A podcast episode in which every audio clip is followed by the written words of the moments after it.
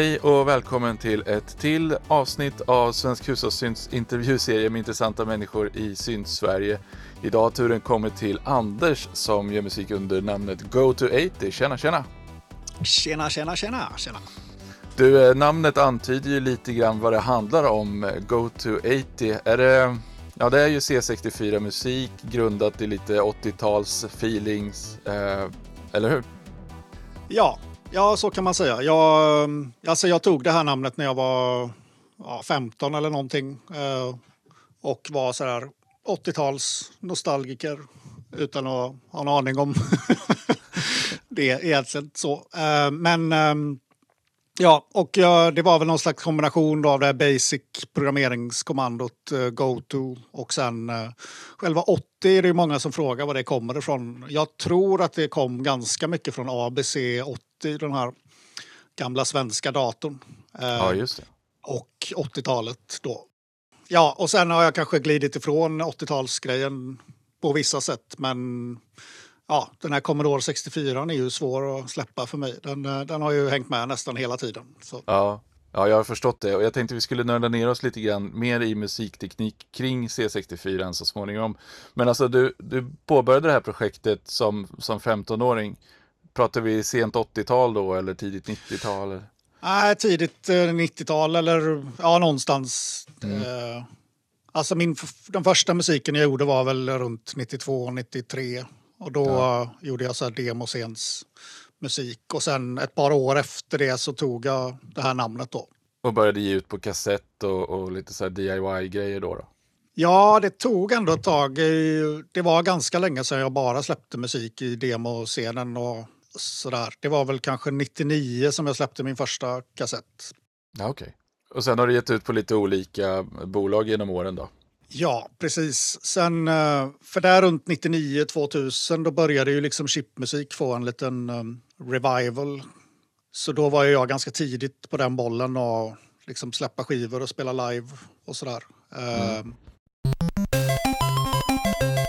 Och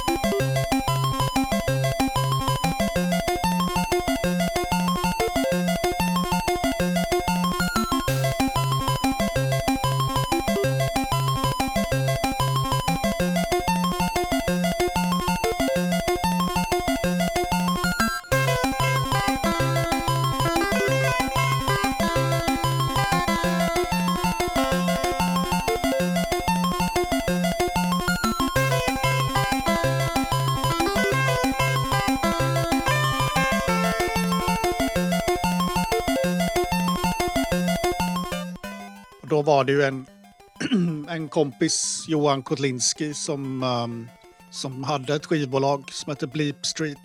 Och det var där jag släppte eh, Papaya EPn, eh, som var min första Ja.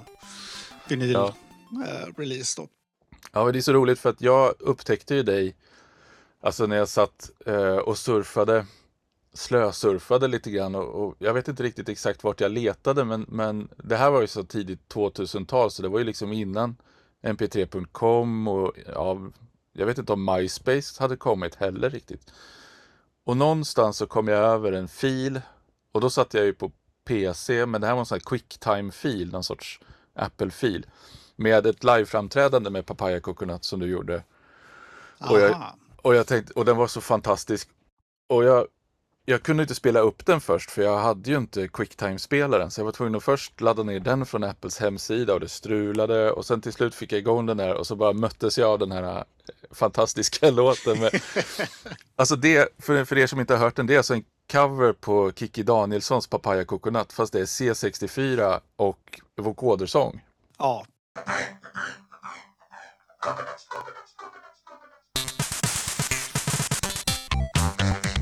Thank.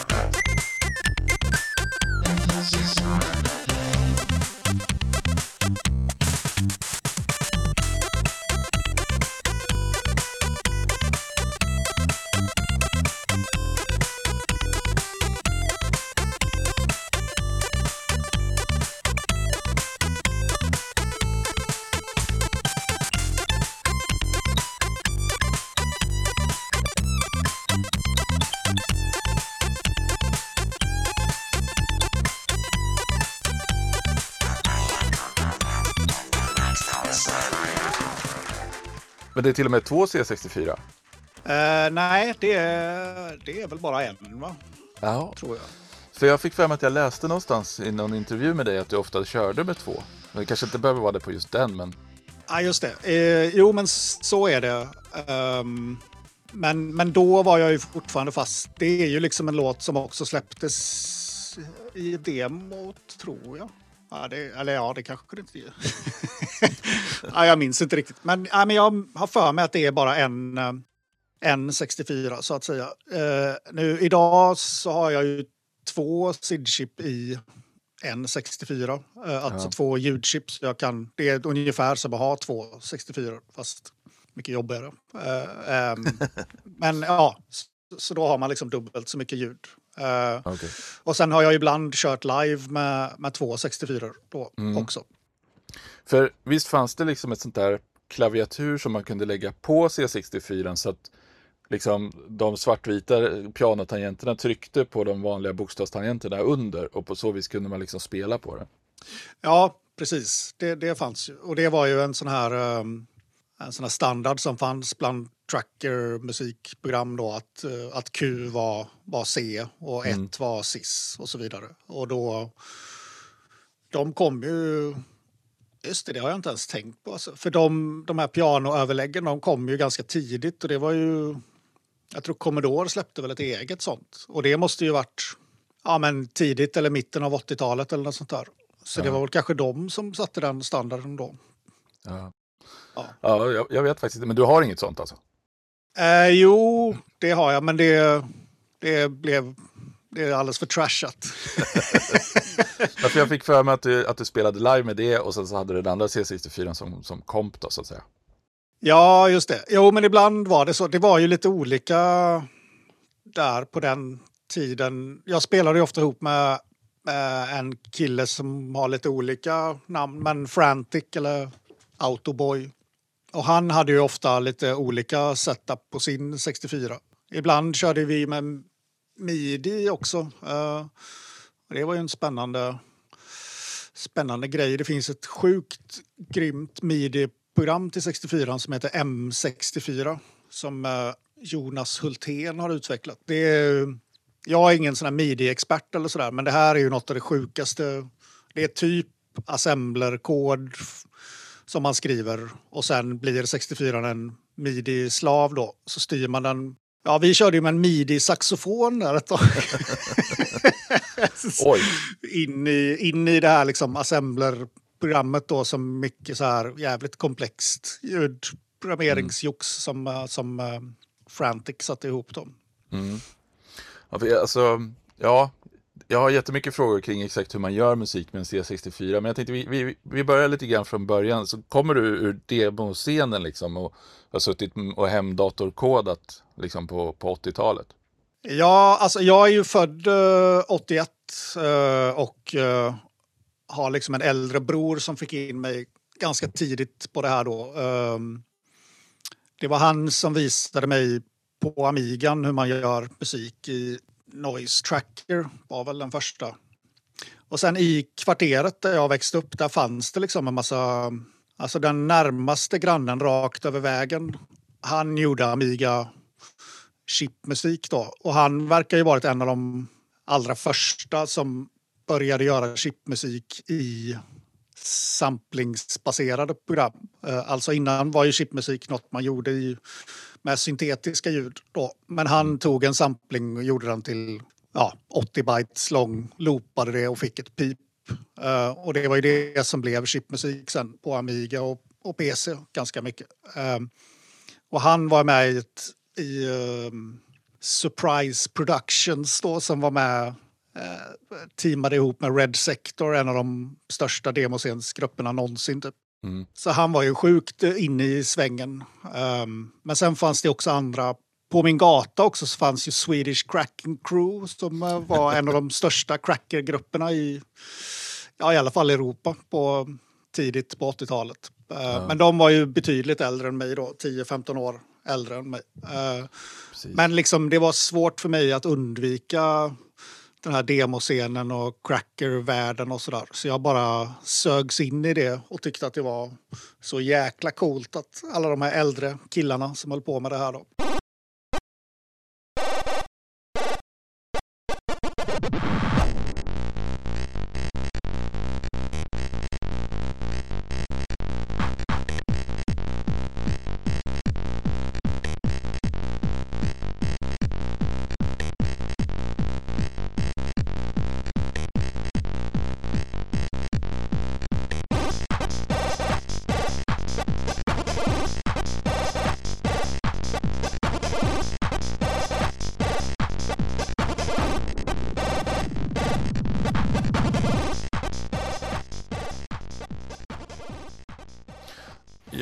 Har alltid tänkt lite grann att är man inne i, i eh, C64 och den här demoscenen och, och lite så här hemdatorgrejer så, så kanske man är ett snäpp äldre än jag är. Jag är född 79 så jag tänker att de flesta som höll på med det där var ju typ 5-10 år äldre än, än mig då.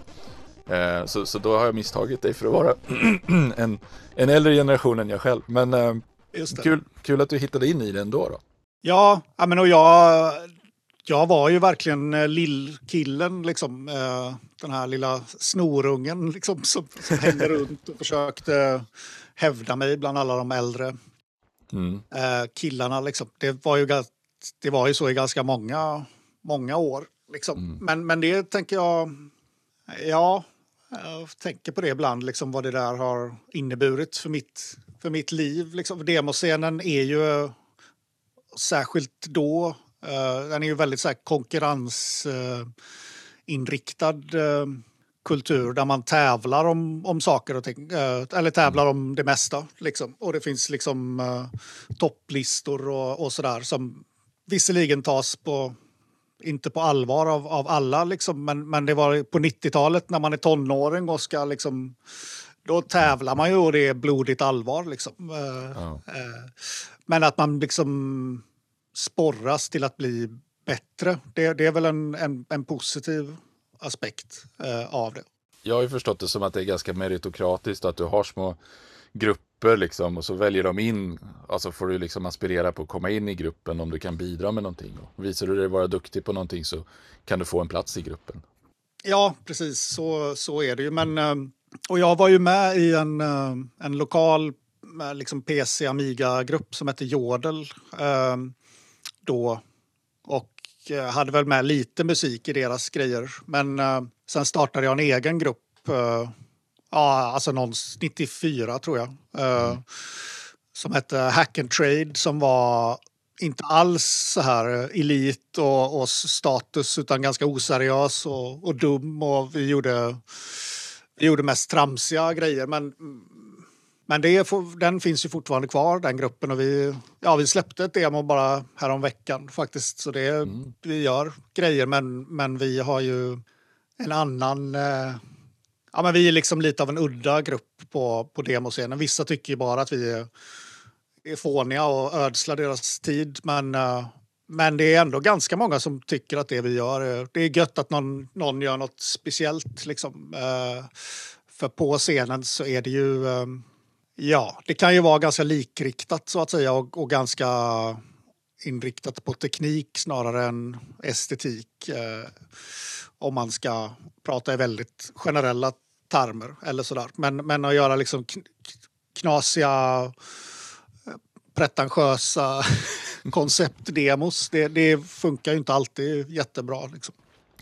Nej, nu har inte jag följt demoscenen jättemycket ska jag erkänna, men, men eh, jag tycker ju att det är otroligt imponerande med den teknik som, som används och hur man utnyttjar den och vad man åstadkommer liksom med den. Så, så det är ju skitfränt att se så här 3D-grafik visas på en C64 och höra ljud som man liksom, när man förstår hur ljudchippet i en C64 funkar lite grann så inser man att det här borde inte gå att göra, men de har lyckats med det ändå på något konstigt sätt. Och så, så då tycker jag att det är jättefränt. Men efter ett tag så har man ju sett det där. Och, och då måste man vara ganska insatt för att förstå hur mycket coolare nästa nivå är. Fast det egentligen låter ganska likadant och ser ganska likadant ut. Men det finns något trick där i som man måste verkligen vara insatt för att förstå. Och då kan man ju tycka liksom att då kan det finnas utrymme för som, som som ni beskriver er då, som lite mindre seriösa då, fast lite roligare och lite annorlunda. Så att det finns en, ett annat värde i det, inte bara det tekniska så att säga. Mm. Även om ni säkert gör otroligt coola tekniska tricks också. Ja, ja, men det är väl det där uh, hur mycket man kan bli för mycket av det, av det goda så att säga. Uh, men för mig så blev ju det här ganska spännande då när, när chipmusiken ja, fick en renässans där runt eh, uh, 2000. Så var det ju ett, ett helt uh, nytt gäng med folk som började liksom sådär, använda Gameboy och Atari och C64 till att göra musik. Och då upplevdes det ju i demoscenen som att vad är det här för tomtar som kommer här och klampar in i våran grej? Liksom. Ja. De har ju inte lärt sig, de gör ju det här på helt fel sätt. Mm. alltså det var, det var ganska unket liksom. Sen får jag väl erkänna liksom att alltså jag var också en av dem som, som kände så, eh, tyvärr. Då. Men, men det var ju för att det var, man hade verkligen liksom um, fostrats in i det tänket. Liksom. Och mm. att liksom typ se ner på dem som inte har lärt sig det tekniska tillräckligt bra uh, och inte kan alla traditioner och tekniker och detaljer om hur man ska liksom göra ett ljud eller, eller så. Ja. Eh, så jag var liksom mittemellan två, två världar där. För det gick ganska snabbt för chipmusiken också att bli... Eh, det blev ju någon hype där liksom som... Ja, fram till 2005 eller sådär. Där det liksom skrevs om det här i, i liksom trendiga tidningar och trendigt folk började ta upp någon Gameboy på, på scenen. Och, och det var ju ganska... Det var ju väldigt spännande tid, får, får man ju säga. Eh, och då var det ju verkligen som att så här, ja men för mig så kanske det blev som så att demoscenen fick kanske en mer eh, konservativ eh, inramning liksom i, eh, i, i, eh, för mig i alla fall. För det var ju också så att här, då gjorde jag ju en, en del rätt knepig musik och det fick rätt mycket skit för det liksom, eh, på scenen. Och så är det fortfarande. Liksom, att, eh, gör man något för knepigt så finns det liksom ett, eh, ett högljutt gäng. Oklart mm. hur stort det är, liksom, men som sådär, röstar ner det och bara nej, det här är ju helt olyssningsbart. Och sådär. Bara för att det inte är liksom 4-4 och, och dur, typ. Eller jag vet inte. nej, men det här är lite, det är flera intressanta aspekter egentligen. För just den här gamla, att, att man känner sig lite protektionistisk kring någonting som man själv har varit med och, och på sätt och vis byggt upp. Och det kanske är så att om, om någonting är väldigt meritokratiskt och det är uppbyggt kring en tradition där, där folk förväntas vara det är någon sorts right of passage att man får vara med därför att man har åstadkommit någonting specifikt. Då, då då kanske man tycker det är jobbigt att folk kommer in och tar intryck av det och gör en egen grej och inte följer de här oskrivna reglerna. Mm. Och jag kommer ju ihåg, jag höll ju på mycket med analogsyntar och tyckte det var fränt i början av 2000-talet och sen så dök ju de här Pluxus upp.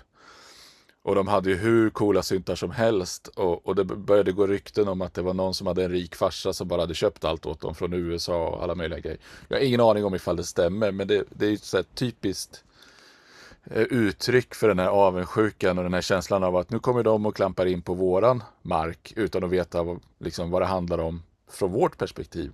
Och så förstör de våran mm. grej. Liksom. Och det är mm. jättesynd, mm. för det är mycket roligare om man kan vara välkomnande och säga, ja men vad roligt att ni vill låna av oss. Så här är vi. Eh, vad kan ni göra för nytt skoj av det? Liksom? Ja. ja, men det är ju, för, för samtidigt så är det också, visst liksom att scenen är framförallt var då meritokratisk. Eh, men det som hände där i början på 2000-talet var ju att folk började liksom, de här ny, nykomlingarna då, de började ju göra fetare ljud än vad man gjorde på demoscenen till exempel. Mm. Och då mm. var det liksom, den intressanta chipmusiken hände ju inte på demoscenen. Nej. Utan den hände ju i den här chipscenen då, eller vad man ska kalla det för. Uh, men ändå såg ju demoscenerna ner på det. Så det var ju mm. liksom, aha, det var inte bara meritokrati, liksom, utan någonting annat eh, också. Ja. Jag, Eh, jag skrev ju min eh, masteruppsats om, um, om chipmusik. Och då funderade jag ju en hel, en hel del över, över det här. Och hur det, ja, vad det var som hände också. Och det, där är ju också en ganska intressant diskussion om vad, för liksom i chipscenen så var det ju, okej, okay, chipscenen handlar om chipmusik, okej, okay, men vad är chipmusik då? Ja, det är liksom så här, ja men det är, det är så här, ja det är musik som är gjorda med liksom gamla datorer med, med inbyggda ljudchip i. Sådär. Mm. Ja okej, okay, fast under 90-talet på Amigan och PC så var ju chipmusik samplingsbaserade liksom moduler då. Det här som mm. min granne höll på med. Så, så den här chipscenen som kom, de förändrade också begreppet, liksom, vad det innebar. Och då fanns det i chipscenen då, så här, nej, man måste använda liksom Eh, så här, originalhårdvara då så att säga. Eh, man får inte använda emulatorer eller sampla saker för det, för det är töntigt. Liksom. Det var liksom deras ja. Eh, hang-up. ja. så att säga. Sen idag så ser det ju inte alls ut så. Nu är det ju väldigt förvirrat vad chipmusik är. Eller är någon slags mm. mindset eller något. Jag vet inte riktigt. Eh, men just det här grejen. Det är väldigt spännande hur ehm, hur subkulturer kan bildas så nära tekniska aspekter på något sätt. Liksom. Alltså är det, ja, som demoscenen då, så ja, men det måste vara liksom audiovisuella grejer som körs i realtid på datorer eller grunkor som funkar på det här sättet. Eller sådär. Ja, nej, men chipmusik, det måste vara det här. Och sen tio år senare så, nej, det måste vara så här. Eh, mm. Men att det ändå, något som lockar mig med hela chipmusikgrejen är ju att på något vis så kommer ju chipmusik vara ungefär samma sak om liksom hundra år eller tusen år kanske. Liksom, att det är verkligen så här ja, enbitars grejer, eh, liksom bara på av, binärt, liksom rå, så här primärskriksdata liksom.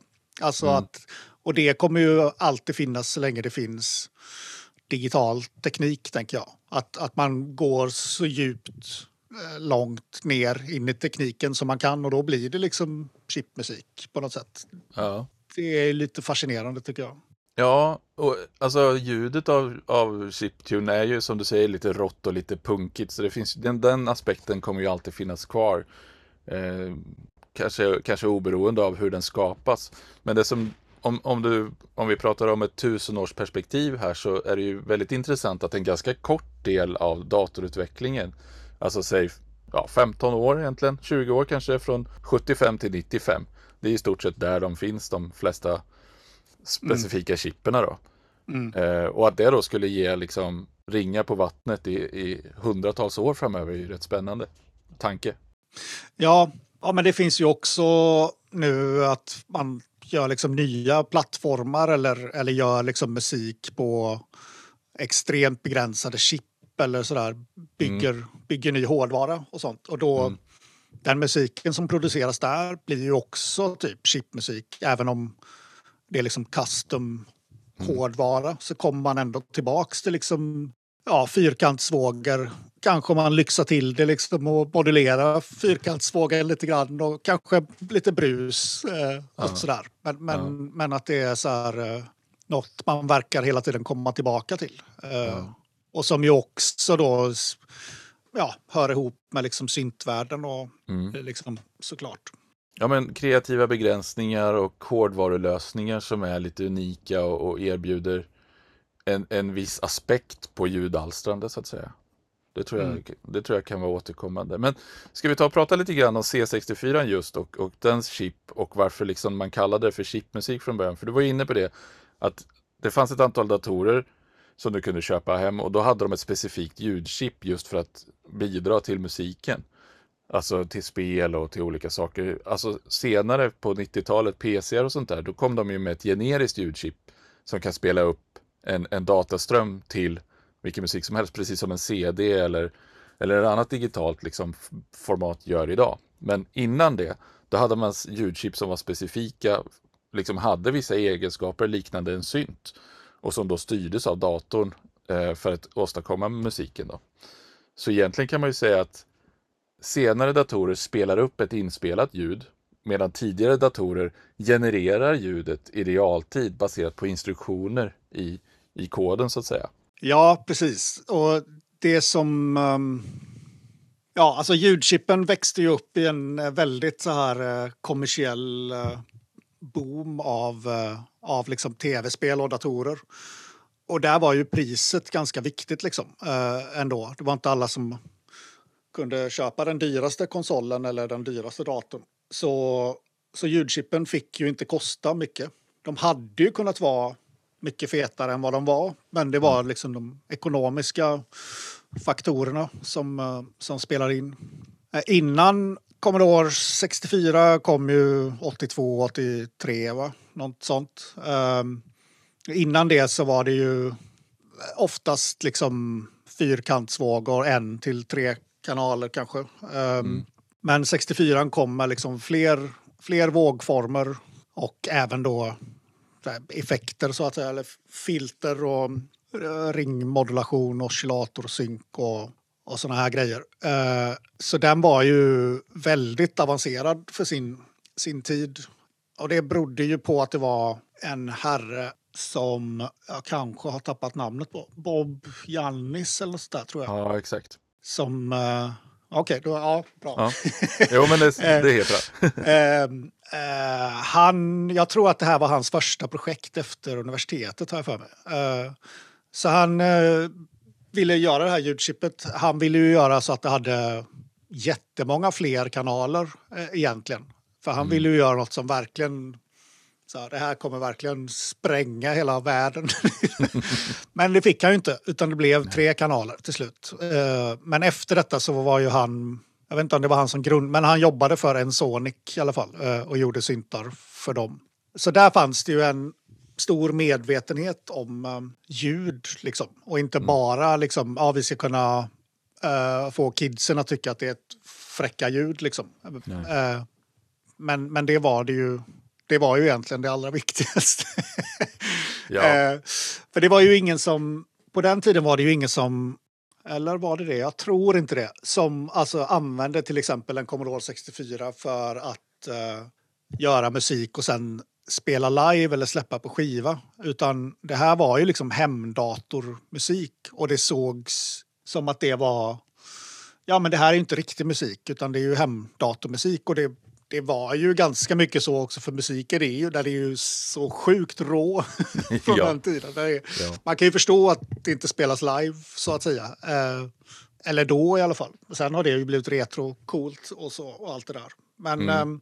eh, ja, men och med 64ans ljudchip så var det ju också då, ja det måste bli färdigt illa kvickt. Eh, så de hann inte riktigt Nej. fixa alla buggar. Um, så det finns ju liksom lite quirks med SID-chippet som, som ger dess karaktär ganska mycket. Och den allra största sån grejen är den, den här ADSR-buggen som, eh, som innebär att ljudet, alltså attacken i ljudet, ljudet startas inte liksom samma varje gång. Och det är beroende på vilka eh, ljudinställningar som har varit där innan då. Eh, ADSR, Attack, Decay, Sustain, Release, den här volymkurvan för, för ett ljud. Det var ju också, det hade ju inte ljudchip så mycket annars, utan där var ju 64 också lite unik med att ha det. Men då funkar det inte riktigt då.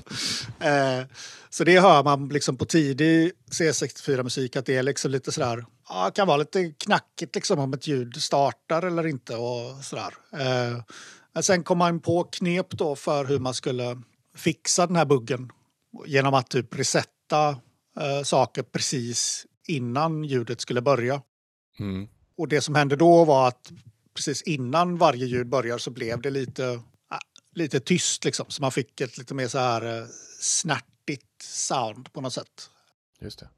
Sen är det liksom, den här buggen är ju fortfarande, det diskuteras alltså fortfarande bland alltså eliten så att säga, hur det här egentligen funkar och hur man ska fixa det. Eh, det är inget som man har löst liksom, utan man har ju på med det i 40 år liksom att förhålla sig till den här buggen som den här nyligen examinerade universitetssnubben eh, råkade få till för att han inte hade tid Och, och, och, ja, det, det är ju väldigt eh, fascinerande faktiskt.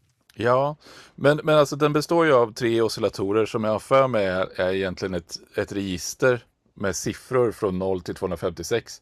Och så indexerar han bara det så får han en sågtand. Och så indexerar han det dubbelt så fort och baklänges andra så får han en triangel.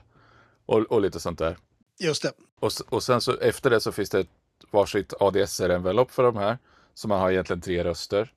Och ytterligare efter det då så sitter ett analogt filter som man har byggt in i det här chippet. Mm. Eh, som kan vara högpass, lågpass och bandpass va? Ja. Precis. Men och det man gör sen då, det är att man egentligen Alltså det som datorn gör är ju att den skriver saker rakt in i chippets register så att chippet beter sig på ett visst sätt. Så att oscillatorerna har en viss eh, eh, frekvens och så att filtret har en viss brytfrekvens och så att det är routat på ett visst sätt. Och det, själva nyckeln till allt det här är väl att man kan göra det där vansinnigt fort. Eftersom CPUn går ju på någon megahertz eller någonting. Och då kan du skriva till registret på, på SID-chippet i den farten i stort sett. Mm. Eh, så lite av tricket med de här alltså låtarna som gjordes på den tiden och ljuden är ju att man varierar saker vansinnigt fort. Eh, bland annat har jag fått för mig att, att eh, ett sätt att göra virveltrummor är att blanda fyrkantvåg som sveper neråt med brus. Att man skiftar det fram och tillbaka väldigt fort så att man får liksom, det låter som man har båda ljuden samtidigt. Mm. Ja, precis. Det är ju det här liksom, man gör tabeller hela tiden ö, över saker. Ja, ska man göra en, en virvellåt till exempel så sätter man liksom på första raden sätter man en, en brus på ganska hög frekvens för att få attacken. Liksom ett, Mm. eh, sen brukar jag sätta två rader med pulsvåg, eh, fyrkantsvåg. Där den ena är lite högre än, än nästa för att få liksom en liksom, Ja, djupet. Och sen, sen har man så att säga sustain och release. Och då, det kan ju räcka med att bara sätta en, en brus och så bara loopa den. Mm. Eh, men det är också gött att blanda upp lite, liksom en brus och en fyrkant eller en brus och en triangel kanske. Eller en brus och, och ingenting. Och så Mm. loopa den. Och kanske lägga en liksom, pitchbend ner på det eller, eller så.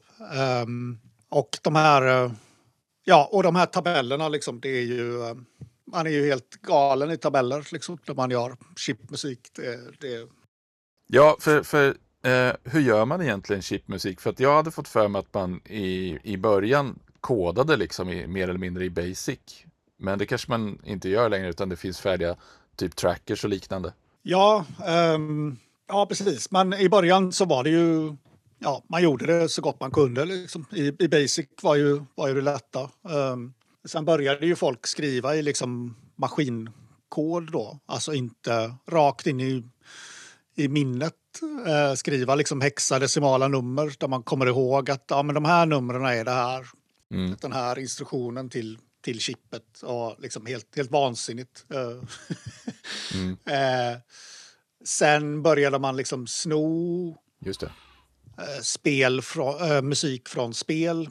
Och där i de spelen så fanns det ju liksom ljudrutiner då. Eh, som för att spela upp ljud på ett smart sätt och där man liksom kunde... Så då kunde man liksom byta ut lite toner kanske var det lättaste att säga att man har gjort en remix eller så. Men sen också att det, det var ju många som tog de här rutinerna och så byggde gränssnitt i dem och släppte det som okej, här är en tracker som är baserad på den här kända musikerns rutin då. Eh, Så nu Mm. kan ni göra samma musik som, som eh, eh, ja, Rob Hubbard eller, eller så. Eh, Men det som hände var att den, eh, han var ju väldigt, jag tror han var 14 år gammal då, Chris Hylsbeck, en, som nu är en känd spelmusiker då. Han gjorde ett musikprogram i, i Basic som, som fungerade lite som maskinkod liksom. Alltså det var... Um, det gick inte... Alltså trackers går ju bara uppifrån och ner så att säga. Men det här fungerade mer som i en maskinkodsmonitor. Att det var från vänster till höger, från vänster till höger, från vänster till höger. Så, så detta hette då eh, Sound Monitor eh, och inte... eh, ja, vad heter det? Liksom en, en monitor som man använder på för att kolla vad som finns i minnet. Då. Här, här liksom, ja, men det här är en monitor bara för ljud. Så skriver vi in de här instruktionerna till ljudchippet. Och det här kallas då ibland för den första trackern. Eh, för den inspirerade liksom det här sättet att när resten av världen ser musik från vänster till höger så ser vi den eh, liksom uppifrån och ner. Eh, tabeller, siffror, eh, eh, bokstäver. Ja. Och, och den, ja, och den, är, den satte ju verkligen sina spår och det finns ju Idag finns det ju ganska många nya program som använder den här, det här liksom tracker-tänket och så. Um, Ja, för, för en tracker påminner lite grann om ett Excel-ark med massa celler och, och så rullar det liksom neråt och i varje cell kan du skriva en instruktion eh, till ljudchippet då, eller vad du nu har under. Och då kan det vara liksom ton på, ton av, det kan vara volymförändringar och så vidare. Och så vidare. Så, så att jag antar att man använder något liknande. Men vet du om man, eh, när det hade börjat komma trackers till C64, om musikern fick sitta och, och göra musiken i en tracker och att man sen kompilerade det till någon slags ljudfil som, som man hade någon uppspelare för i själva spelet sen? Ja, men, men det var väl ungefär så. eh, att man liksom... Ja, man sitter i sin tracker och gör, gör sin låt och sen när den är färdig så... så ja, men det är väl lite som att exportera den. Liksom. Man kompilerar och, eller packar den framför allt så att den blir mindre i storlek. Eh, och sen, nu är ju inte jag programmerare själv, eh, men för de flesta liksom, låtarna på C64 så är det samma uppspelningsrutin så att säga. Att man, eh, alltså i låten så finns det liksom koden för att ja, för allting, all kommunikation då med, med SID-chippet. Men sen om den som vill spela upp den ljudfilen, då, då är det väldigt lätt. Alltså att det är bara några få kommandon för att ja, initiera och köra på. Eh, eh, kalla rutinen så här många gånger eh, i, ja, per frame då, så att säga. Ehm, Ja, nu, nu blir det ju kanske lite fel ordning här, men, men för du nämnde det här innan med att man kan liksom prata med SID-chippet så himla ofta. Eh, Men grejen är ju där att eftersom musiken ska spelas upp samtidigt som grafik och eh, ja, massa onda robotar som flyger omkring och sådär så kan man inte använda hela CPUn och minnet eh, till musiken. Nej.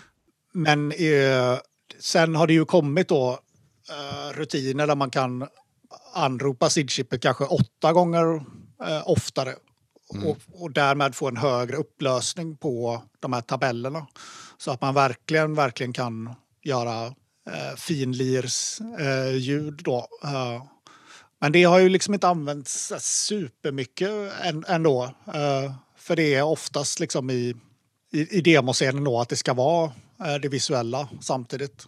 Eh, men däremot inom chip-scenen då och med, framförallt med Gameboy-musik då är det ju liksom, ja, alltså den här Gameboyet ska bara göra musik. Det behöver inte vara något demo liksom. Eh, och då program som då LSDJ som min kompis Johan har gjort. Där är det ju liksom, det bara maxar.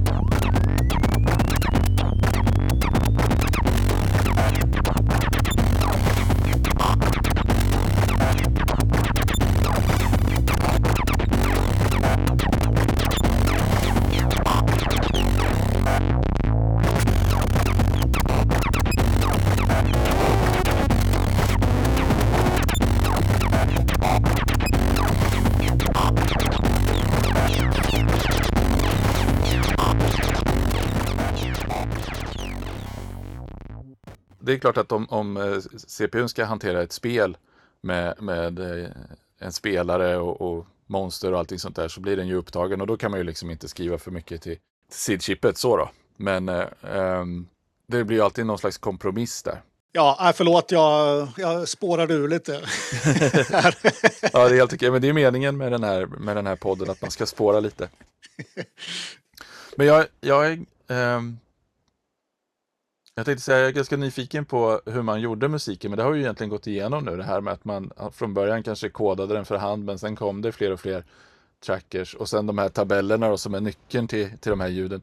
Då har man liksom programmerat specifikt en tabell för ett slags ljud då, där man liksom kan bygga in olika karaktärer som en viss attack och då kan man ju lägga in en liten brusattack på vilket ljud som helst om man vill.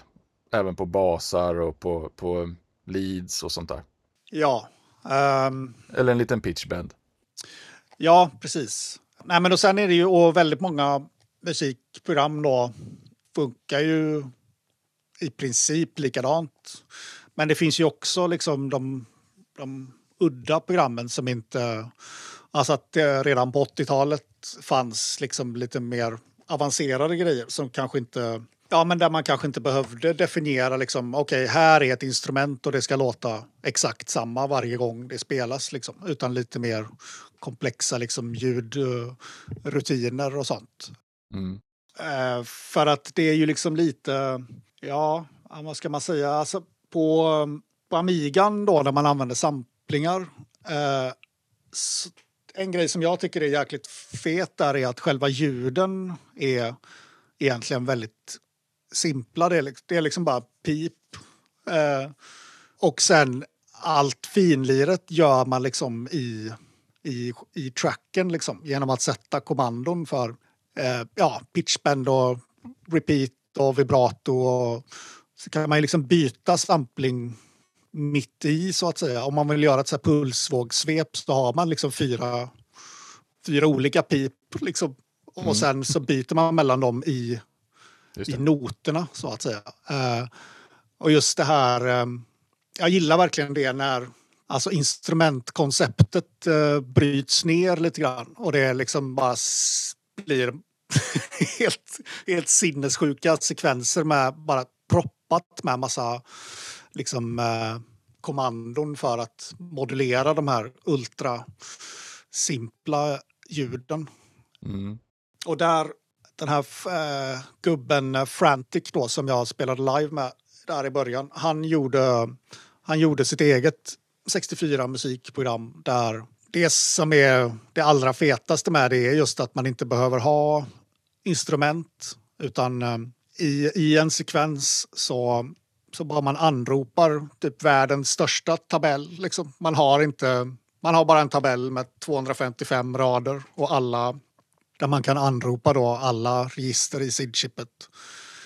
Och då kan man göra så att man kan göra ett helt instrument med liksom ADSR och, och vågform och gate och, och sådär. Men eh, man kan också göra en som bara är liksom en, en pitchbend och sen ett arpeggio och sen ett filtersvep och så loopar man det eh, till exempel.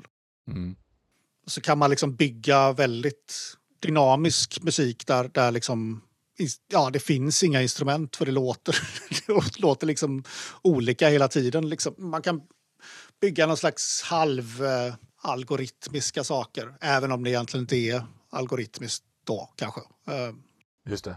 jag vet inte om jag förklarar det där bra, men eh, Ja, men jag, får, jag får en känsla av att liksom instrum, instrument och hårdvara och dator flyter ihop till en enhet snarare. Så att istället för att du delar upp det i logiska bitar som pratar med varandra så är allting liksom mera sammansvetsat i ett sammelsurium. Liksom.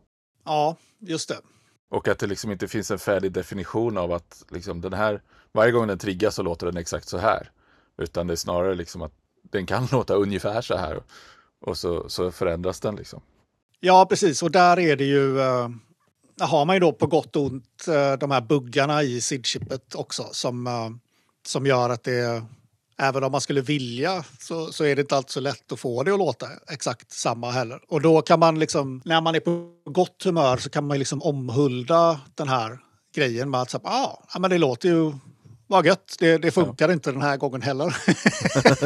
det, det får vara så. Eller så. Ja, och att det liksom är en del av maskin en del av maskinen och en del av liksom symbiosen med att man själv och maskinen försöker göra någonting tillsammans. Eh, och, och, och det är liksom, man ska liksom inte bara försöka liksom hyvla bort de här eh, imperfekta sakerna som finns i SID-chippet för att det är liksom det är ju mycket det som gör att det är, det är gött. Liksom. Om, man, om, man, om det blir för perfekt så blir det liksom lite tråkigt Mm.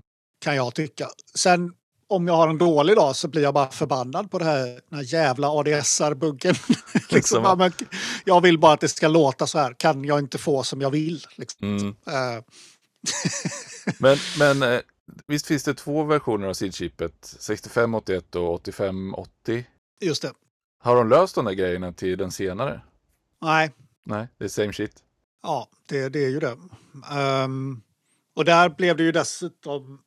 eh, jag tror att det var så att i produktionen är liksom lite billig eh, även bland de nya chippen. Så det är särskilt med filtret då. Så Mm. man kan liksom inte lita på att om man gör en låt med ett sånt här filterljud så, så kommer det antagligen inte låta så. På, även om du hittar liksom samma, samma eh, modellnummer på SID-chippet då, så är det inte säkert att det kommer låta likadant. Nej. och och liksom de, de här gubbarna som sitter och gör emulatorer för 64 och SID-chippet, de, de har ju byggt helt sjuka modeller över det här och eh, liksom försöka parera för olika filter. Och det är ju ett... ja, det är ju ett... ehm, det är ju verkligen inte lätt. Ehm, Nej. och det är ju på något sätt också så att, ja, det, rent teoretiskt, eller vad man ska säga, det, det går ju inte att emulera en 64 eftersom det beror väldigt mycket på vilken 64 det är. Mm. Och det är, är, på något sätt, tycker jag, väldigt charmigt för det, det blir på något sätt lite odigitalt då. För att det digitala är sådär, att det ska vara max pålitlighet och exakt samma hela tiden och sådär. Men 64 är liksom lite... Den är lite lynnig. Ja, exakt. Ja, men jag, hade, jag köpte ett sådär äh, PC-kort som man kunde sätta C64 ljudchip på. Eh, som hette Hard SID tror jag. Just det. Och jag köpte ett Hard SID Quattro och så hade jag ett 6581 liggande och så fick jag tag i ett 8580 men då var man tvungen att sätta på några, några kondensatorer för att filtret skulle funka på något visst sätt för att kompensera för något, vad fan det nu var. Just det. Ja, precis. De, eh, man kan inte bara byta ut um, SID-chippet i en gammal och en ny 64. Eh, Nej. Så i, förr i tiden var det ju så att man, alltså man kunde ju sätta i två SID-chip då, men då var det tvunget att det skulle vara samma modell. Mm. Nu så finns det ny, ja, den här nya moderna tekniken. så, kan man ha, så kan man ha två olika SID-chip. Eh, och det låter ju som, ja ja, whatever, det är ingen stor grej. Fast det är det faktiskt. Jag tyckte att det var jävligt fett. För då var det så här, ja men okej, då kan jag liksom få på, det, på den gamla SID-chippen så är filtret så jäkla grisigt. Liksom. Det är så här, eh, det distar och, och, och klickar. Det, är- ja, det, är så, det är helt underbart. Liksom. Men eh, man har inte lika många vågformer där. Eh, plus att man kan inte få liksom, de här djupa, djupa cut-off grejerna. Nej. Så nu då när jag gör musik så använder jag ofta då det gamla SID-chippet för, för när jag vill vara grisig liksom. Och sen eh, så har jag ett, ett nytt också där jag kan vara lite mer, lite mer fräsch. Men då har du alltså moddat en C64 och sagt i båda chipperna. Nej, man, eh, jag köpte en grej som hette eh, någonting. Som man liksom sätter i, eh, i 64 i, ehm, ja, där SID-chippet ska sitta. Så sätter man en grej och så sätter man två SID-chip där istället. Okej. Sen idag så använder jag ju faktiskt en, något som heter Ultimate 64 som är liksom en ny FPGA-version av, av en C64. Så det, det är inte originalet liksom. Nej. och, men, eh, men man kan sätta i original SID-chip där och då har den redan två, två slottar för SID-chippet där. Så, så ja, där funkar det liksom out of the box så att säga. Men kan du ser, ser C64 de här två chippen som två olika så att du får dubbla kapaciteten? Eller, eller behandlar den som en och samma så att den får, liksom, de gör samma sak fast det låter olika? Ja, det kan man, det kan man liksom välja eh, hur, man, eh, hur man vill sätta upp det. Mm. Och sen så finns det då musikprogram. De flesta stödjer ju bara ett ljudchip då. Eh, Men det finns nya musikprogram som stödjer två eller, eller till och med ännu fler. Mm. Och det som jag använder stödjer då två stycken. Och då är det liksom som att man har... eh, Man, det är lite som att man har två, två trackers igång samtidigt. Och så är det ett knappkommando för att liksom växla till den andra. Ah, okej. Och man blir liksom helt, helt dum i huvudet av att sitta för länge med det. För det ser ju exakt likadant ut, bara med andra, andra siffror. så Ja, det. ja, det blir väldigt snurrigt. Men, men eh, ja, det, det kostar ju att ligga på topp. Så att säga. Ja. Men den här FPGA, FPGA då, den sitter alltså i en egen hårdvara eller byter du ut innanmätet på en C64? Eller liksom, hur gör man det där?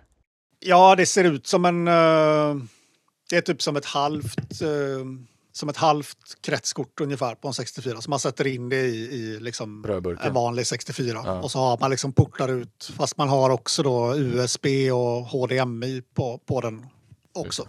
Ja. Men tangentbordet och så, det blir liksom det gamla klassiska som du använder? Ja, precis. Alltså det ser och- ut och känns som en vanlig 64. Men man har ju... Ja, alltså, jo, för det ska man väl säga också. Det är ju, det är ju inte... Det är inte... Eller ja, för det första, liksom i det, folk som håller på med demoscenen och sådär. Det är ju ganska många som knappt ens har igång 64 även om de sitter och gör demos till det. Utan man använder liksom emulatorer Mm. och 64 är, finns lite grann som här, en, en mediespelare där man, där man testar det man har gjort. Då, liksom. Eh, Mm. Så det är inte jättemånga som använder 64 mycket. Liksom. Och bland dem så är det inte särskilt många som använder disketter längre. Då, eh, utan man använder diverse eh, liksom modernare lösningar för att, för att ha SD-kort eller köra trådlöst eller hur man nu vill göra. Eh, och då eh, en av de här lösningarna hette Ultimate 1541 som är diskettstationen då. Mm. Så från den, den här, eh, och den är liksom en SD-kort eller Ethernet-lösning då. Men han byggde sen då den här Ultimate 64, så istället för att bara eh, liksom emulera diskdriven så emulerar han hela datorn. Så då får man allting i ett gött paket och så bara ja, späckar i sitt USB-minne och kör. Ja. Och då kan man köra den mot en vanlig skärm och sådär så man slipper sitta med en gammal tjock-tv. Ja, det, ja precis. Men, eh, men det gör man ju inte. Ja, det beror på hur, hur hardcore man är.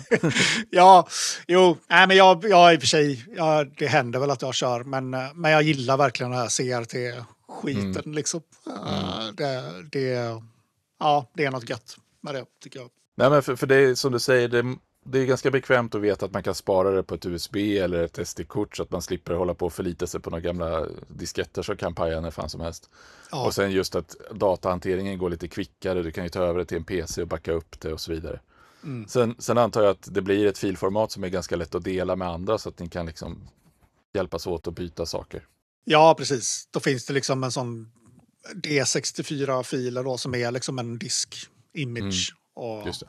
Men, men när du spelar live nu då, då tar du med den här och kör, kör med den? Ja, precis. Så, ja, och då behöver jag liksom inte släppa med mig en, en diskettstation och en tv typ, eh, eller sådär.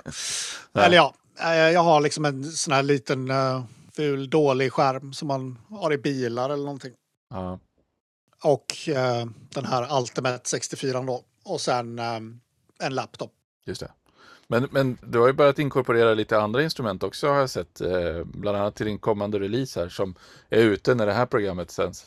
Ja, precis. Jag har ju... eh, där är historien lite så här att det var en kille i Polen som byggde eh, en liten krunka så att man kunde skicka ut eh, midi och din-synk från eh, 64. Mm. Och just det musikprogrammet som jag använder då, Defmon som det heter.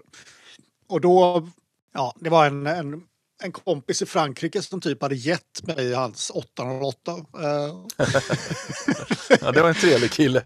ja, precis. Väldigt, eh, väldigt nice. Eh, Mm. För han skulle liksom flytta in i en van och ja, jag vet inte. Liksom.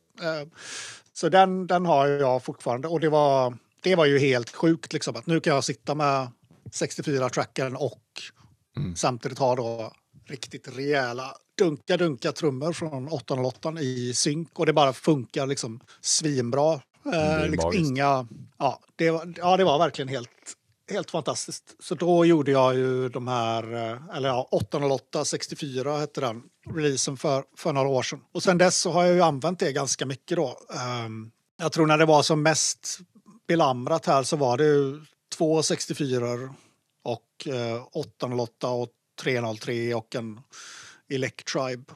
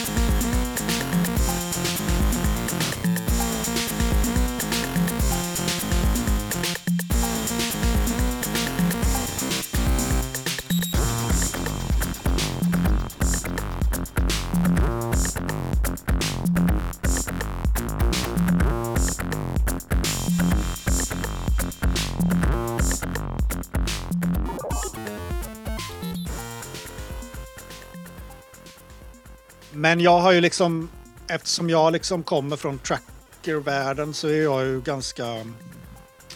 Jag gillar ju liksom när allting är på plats så att säga och, och in... Ja men tidslinjer antar jag.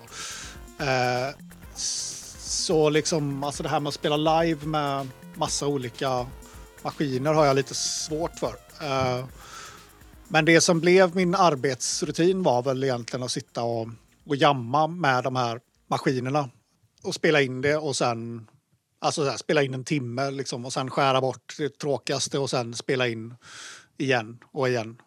Mm. Och den, den grejen körde jag ju stenhårt på. på jag gjorde tre, tre stycken ambient-släpp förra året var det va? Um, som är så här ja, halvtimmes låtar och, och så. Ganska, ganska såsigt men ändå liksom händer, händer saker hela tiden. Eh, Mm. för det är ju också en, eh, ja kanske lite sidospår då, men, men med track, i trackervärlden så har det oftast var- varit så att man inte ska spela musiken live utan det är bara, ja, gör din låt och sen är den färdig. Mm. Men det här Defmon eh, gjordes ju då för att spela live. Med, så, så där kan man verkligen ändra precis allting live. Och verkligen sitta och improvisera. Och jag har ju gjort spelningar där jag bara gått upp på scen, startat Defmon helt tomt och så gör jag ljuden och låten samtidigt då inför publik. Eh, och då är det ju inte direkt partymusik då, eh, utan Nej. lite mer uh, ambienta grejer. Eller så. Men nu ska vi se, nu tappade jag spåret lite. Ja, vi pratade om att, att samarbeta med flera maskiner och liksom eh, inkorporera trackerljudet i, i en setup med andra grejer. Just det, precis. Ehm, Men i och med att du fick midi och din-synk ut från den då så är det ju lätt att liksom bara synka upp som 808 och 303 och, och de i sig är ju en viss typ av grund och så kan man ju krydda det med tracken eller så kan man göra tvärtom och köra tracker för sig och krydda lite med de andra ja, precis. Och det öppnade ju upp väldigt mycket. Eh, men det var ett, det var liksom en sak som gjorde att jag inte kunde... Ja, för Defmon kan nämligen inte vara slav. Den vägrar vara slav. så den, det innebär liksom att om jag ska köra live med den här setupen så måste jag liksom... När jag har kört en låt så måste jag trycka på stopp liksom, och stanna allting och sen ladda in en ny låt på 64. Och det vill jag liksom inte riktigt, eh, riktigt göra. Eh, så jag har liksom löst det där på lite olika sätt och ibland bara skita i att det ska vara alltså bara manuellt synka eh, mellan, mellan laptop och, och 64 till exempel. Och Mm. eventuellt 808 och, och 303 och så då. Men det är ju också just nu faktiskt så har jag inte 64 uppkopplad, vilket är en, det är en big, eh, big news faktiskt. En, en, liksom en, en skandal. För det, är, alltså det är första gången på extremt många år eh, som jag inte har det. Men det var för att eh, jag blev liksom lite för låst i att ha 64 som, eh, som master. Så jag tänkte att nej, men nu, nu ska jag testa lite utan 64 då. Eh, sen tänker jag att jag kanske lyfter in den och har den som slav på något sätt senare. Mm. Men för just nu så är det ju, ja, dels så är det ju det här eh, Acid-albumet då Basen i botten. som släpp. Precis. Eh, och med, med singeln, eh, den heta singeln då We Call It SJ som är någon slags tågversion av eh, We Call It Acid, den, den gamla, gamla dängan. Den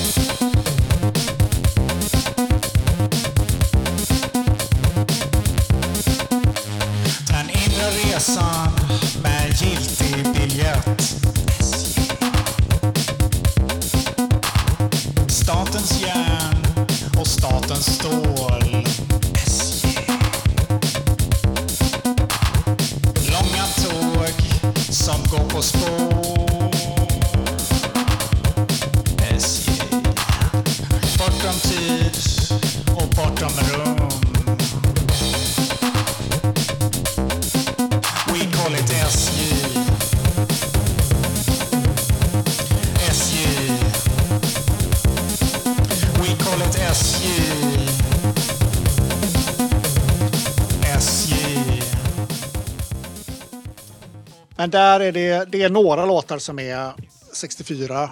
Eh, men ganska mycket som, som inte är det. Eh, så jag tänker att när jag ska köra det live så kanske jag liksom byter ut 64 mot en 303 istället. Och, eh, men jag har inte riktigt det klart för mig än hur det ska eh, gå till. Så det börjar bli lite bråttom. Eh, men en annan anledning är att eh, uh, ha ett projekt tillsammans med Jakob eh, Remin som, eh, som går ut på att få robotar att spela musik. Eh, Just det. och vi har kört, ja förut har roboten liksom knappat på en eh, C64 då och gjort musik så att liksom trycka, trycka runt sig i en tracker. och det, är så, alltså det är så fruktansvärt dumt sätt att, att, att liksom göra musik på. Men det ser, ser jäkligt gött ut. Men är också helt obegripligt för liksom 99 procent av befolkningen. Typ. Ja, för vi pratar industrirobotar här, alltså sådana som normalt sett plockar saker i tillverkningsindustrin eller svetsar Ja. bilar om de är lite större och sånt där. Ja, precis. Såna ar små armar liksom. Det här Mm. är alltså den billiga konsumentversionen så att säga. Ja, som är, den är liksom tre decimeter hög eller sådär. Ja. Men den har liksom i princip bara ett finger då. Så den kan trycka på en knapp åt gången och så liksom. ehm, Det är mindre risk att du pajar någonting dyrt då, för de här stora industrirobotarna är ganska starka. Jag, jag har jobbat lite med sådana och haft sönder en och annan i min dag. ja, ja, okej. Jaha. Ja. Ja. Nej, så att de är, de är ja, vissa de största ju lyfta 250 kilo. Men Ja. det, är, det är de du behöver för räckvidden då, om du ska spela på några, flera syntar. Men de här Ja. mindre, de, de, de märker ju inte att det tar stopp först. Det tar verkligen stopp och då är du ju halvvägs genom en C64. Ja, ja, precis. Ja, det är ju betydligt eh, säkrare med de här små, små sakerna. Sen är Mm. de väl också, ja, eller det är ju Jakob som sköter programmeringen, men de verkar ju svårprogrammerade och lite halvbuggiga. Jag vet inte riktigt. Eh, Det kan nog säkert vara. men i alla fall, eh, nu så har vi ju då fått, eh, ja, egentligen var det så innan pandemin så var vi på EMS i Stockholm och hade ett sånt veck, eh, en veckas residence för att få robotarna att eh, snurra på rattar. Just det. Och det var när Daniel Araya fortfarande jobbade, så han hjälpte oss. Eh, och vi fick det att fungera till slut. Eh, och sen kom pandemin och vi bara kom av oss helt med projektet. För Jakob bor i Köpenhamn nämligen. Mm. Men nu är vi tillbaka med det och då är det liksom, då är det roboten som kör. En robot som kör en 303 och en robot som kör en Electribe trummaskin då. Så har vi precis köpt en tredje robot som ska köra midi-kontroller. Eh, så det börjar bli en fin, fin orkester då. Och där, men där, eh, så 64 är ute ur bilden lite där, ur det projektet, vilket känns bra för det blir lite, lite mer begripligt för, för de flesta. Mm. Ja, så, så allt detta har liksom gjort att just nu så är 64 inte, inte här faktiskt. Den är inte i centrum. Men ska det här visas upp som en slags utställning då? Eller en installation? Eller ska det bli ett live-grej? Ja, vi har kört, eh, vi har kört två, två grejer med den än så länge. Och det är liksom, då har det varit halvtimmes uh, spelningar. Mm. En i, på Puckelpop i, i Belgien och en på ett makerspace i Danmark. Eh, nästa grej är på en, rätt fet festival i Barcelona faktiskt som vi, ska, som vi håller på, på med. Och då ska det vara en installation i två dagar och på kvällarna så kommer jag och Jakob och spelar liksom tillsammans med robotarna. Mm. Fan vad coolt. Ja, det kan nog bli det kan nog bli gött om vi får allting att Ja men det låter jävligt kul.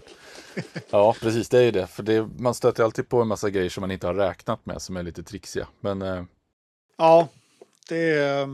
Ja, jag känner mig lite besviken på den här Robot eh, Overlord-tanken. Liksom. ja, jag, jag brukar tänka lite grann i mitt stilla sinne att om folk visste hur jobbigt och krångligt det är att programmera skulle de inte vara så rädda för AI och, och att Skynet tar över. För det, det kommer dröja, det tror jag. Ja, det, det tror jag med. Ehm, för det är så pass knepigt att få de här grejerna att funka. Så det, ja. Mm. Men den här basen i botten då, när vi, när vi släpper det här avsnittet så har den kommit ut. Ehm, men hur uppstod tanken att göra en sån skiva då? Eh, ja, där är väl... Eh, ja, en bra fråga. Alltså jag har varit och, och nosat lite på acid i, alltså väldigt länge. Eh, jag lyssnar på ganska mycket acid på 90-talet och sådär. Så det, för mig har det varit en sån grej som jag alltid kommer tillbaka till på något sätt. Så har jag gjort liksom någon acid-låt här och där, men kände att eh, ja, men nu ska jag göra, ska fan göra ett helt acid-album. Mm. Eh, för det är också, alltså min acid är ju lite... ja men alltså, jag har till exempel gjort en cover på Sommaren är kort, liksom i acid-version. Liksom. Så det är, det är lite för mig som att gå tillbaka till de här Papaya Coconut, uh, känna mig som 20 år igen. Typ.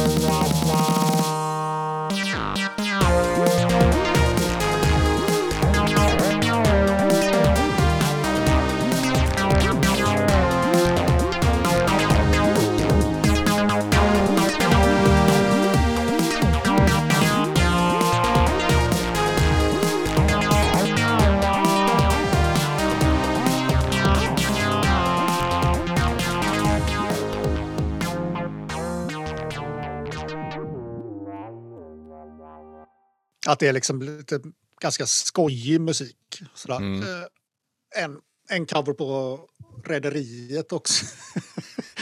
Eh, men, men också att liksom jag har alltid liksom fascinerats av tanken på att göra, alltså använda 303 an på, på sätt som man inte Ja, men som man inte ska. Precis som att jag har liksom använt 64 på, på, på fel sätt så att säga. Så, så, så, så känns det roligt att använda 303 på fel, fel sätt också. Eller försöka i alla fall. Jag, men och då kanske det handlar mer om att göra liksom så här tramsig, tramsig pop med liksom acid istället för att göra så här allvarlig acid. Eh, mm. Men det där tror jag är bra, att man behöver liksom dels få ur sig lite roliga saker och sen förnya genrerna lite grann och våga vara gränsöverskridande. För som det där Papaya Coconut, för mig är det liksom enorm humor men det är ändå en otrolig skicklighet att få till den där.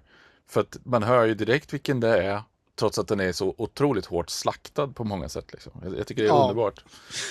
eh, men jag måste fråga också, det känns som att Sid, eller chipmusik, gärna tycker om ordvitsar i namn och, och lite sådana där grejer.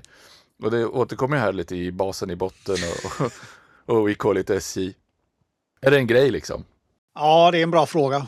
Det känns, kan ju ibland kännas så här lite så här nördhumoraktigt nästan. Eh, Mm. så, ja, det, det kanske kan vara så. Sen, ja, jag bor ju i Göteborg också. Då ska det vara. Då ska det vara så. ja, nej, jag vet inte. Men ja, nej, men jag har också reflekterat över det där. Det känns ju som att det har varit en grej, definitivt. Mm. Ja, men jag, jag tycker det är kul. Och, och ehm, det, blir, det blir liksom en utmaning till att hitta på roliga namn då, så att det inte bara blir ett löpnummer eller ett, ett namn vilket fan som helst, utan det blir liksom en, en liten speciell utmaningsgrej. Då. Ja, Men sen så har du ett annat väldigt ambitiöst projekt, eh, ett trackermuseum som du har jobbat med några år nu va? Ja. ja, precis. Jag har ju liksom ganska länge varit intresserad av och, och skrivit så här lite artiklar och sånt i, även i liksom vetenskapliga sammanhang om, om demoscenen och, och chipmusik och sådär. Ehm, eh, men och blivit mer och mer intresserad av alltså det som, det som inte hör ihop med det. Och att, och att liksom rota sig tillbaka till 50-talet och liksom datamusik därifrån. Och ja, funderat mer och mer på gränssnittssaker då. Att jag kan ju tycka att en, en tracker är liksom ett fruktansvärt bra sätt att liksom effektivt med ett tangentbord uh, få ur sig det man vill. Men det finns ju liksom tusen andra sätt att göra det på som alla, alla liksom har, har sina fördelar. Eh, och jag insåg liksom att på ja, men att, att man idag pratar mycket om så algoritmisk och generativ och AI-grejer. Liksom. Men liksom läser man en, en datatidning eller om musikprogram från 80-talet och så där så ser man ju att ja, det, det pratade man om, om då också. Och, och då fanns det liksom en betydligt vildare... Då fanns det inte samma konventioner kring vad är ett musikprogram egentligen? Ja, det är ingen som vet. Vi bara, vi bara kör och testar. Och Så det var ju liksom en, en ung eh, scen då utan, utan konventioner. För nu är det ju, det är ju väldigt etablerat liksom vad ett musikprogram ska vara. Eh, Ja. Sen finns det ju i och för sig fler alternativ då, men att det finns en tydlig eh, liksom då-väg om, om hur det, ja, vilka metaforer man ska använda och, och liksom vad, ja, vad är, hur fungerar musik och så vidare. Eh, ja, och sen har jag liksom alltid tyckt att ehm, jag tycker det är synd när folk som experimenterar tidigt med saker inte får någon cred för det för att det försvinner liksom någonstans i historieskrivningen. Mm. Och ja, så jag började liksom samla på mig information om alla musikprogram någonsin i hela världen. Ja. Och insåg ju att ja, men det här är ett, ännu ett sånt här idiotprojekt som jag, som jag har gjort alldeles för stort.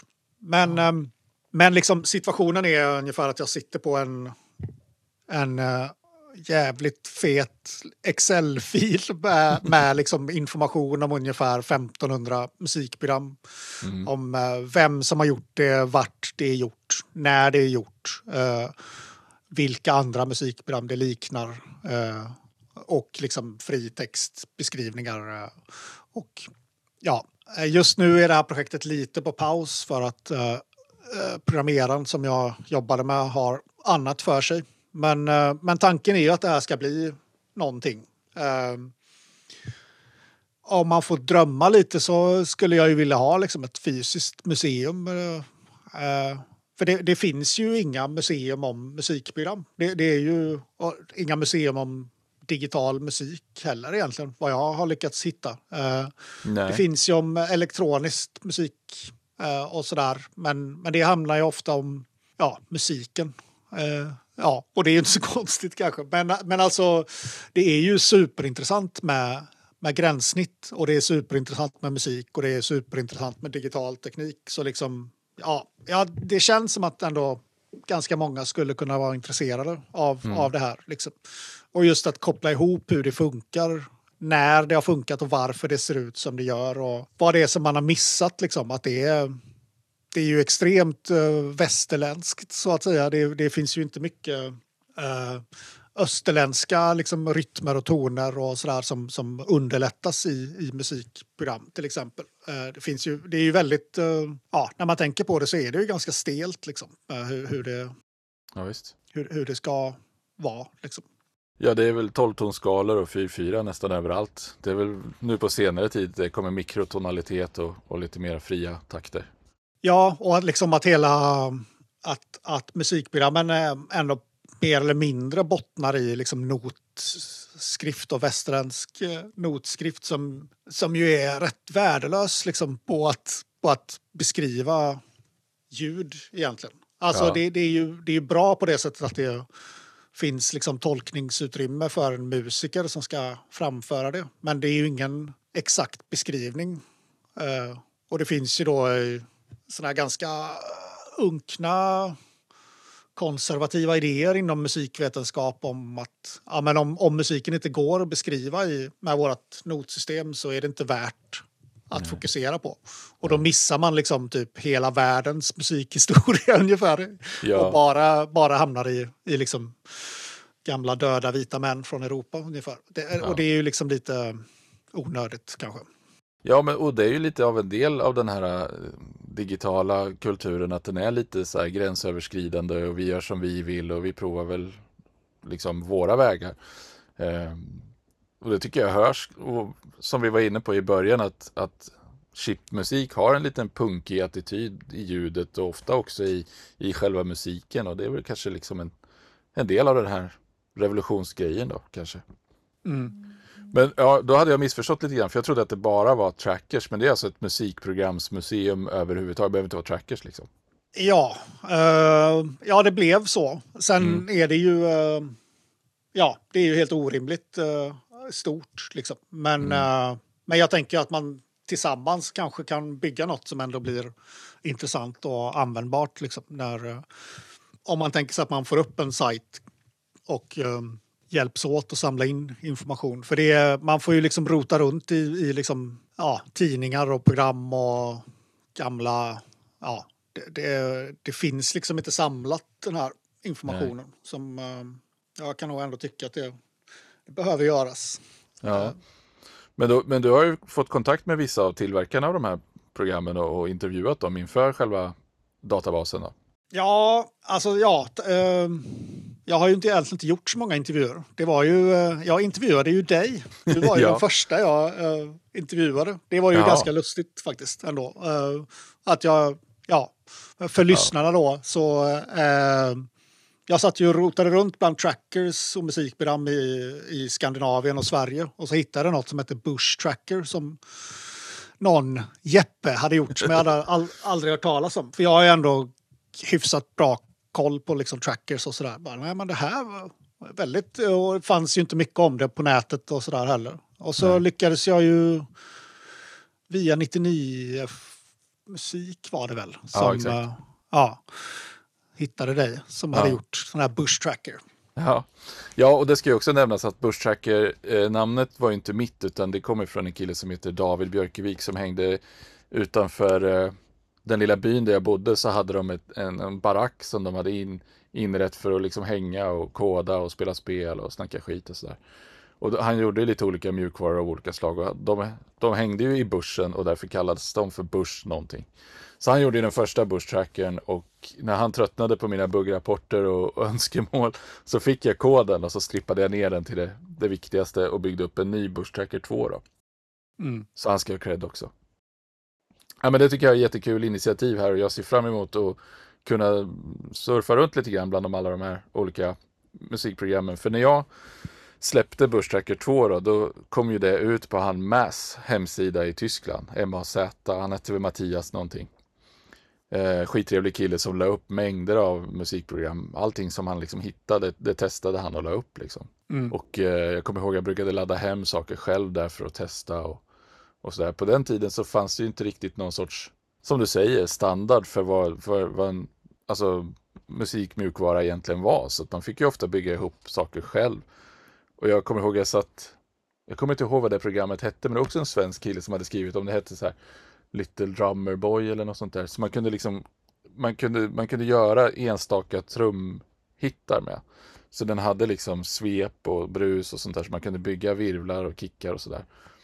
Och så gjorde man en färdig sampling och så lyfte man in det i Fast Tracker 2 och så använde man den som, en, som ett ljud. Ja, just det. Eh, Så, ja, så det var liksom en, en, ett ekosystem av olika programvaror som man liksom fick plocka ihop sin egen sammansättning och köra. Ja, just det. Ja, och det är ju väldigt spännande med... Det kommer ju rätt mycket musikprogram från Sverige. eh, Och liksom i hela...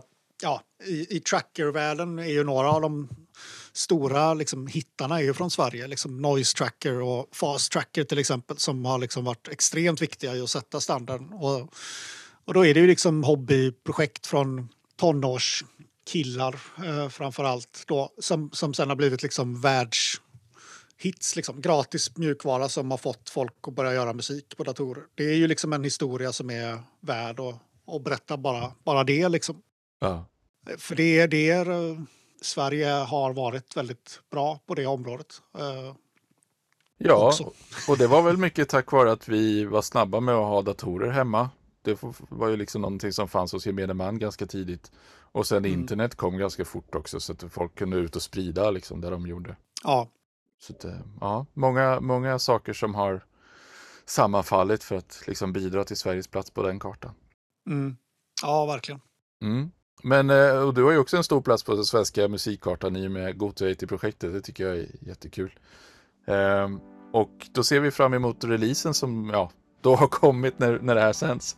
Just det. Ja, Mm. jo, men, ja, men jag hoppas ni ska, ni ska gilla den här acid, eh, acid-spåret då också. Mm. Eh, Bra. Tack så jättemycket för idag då.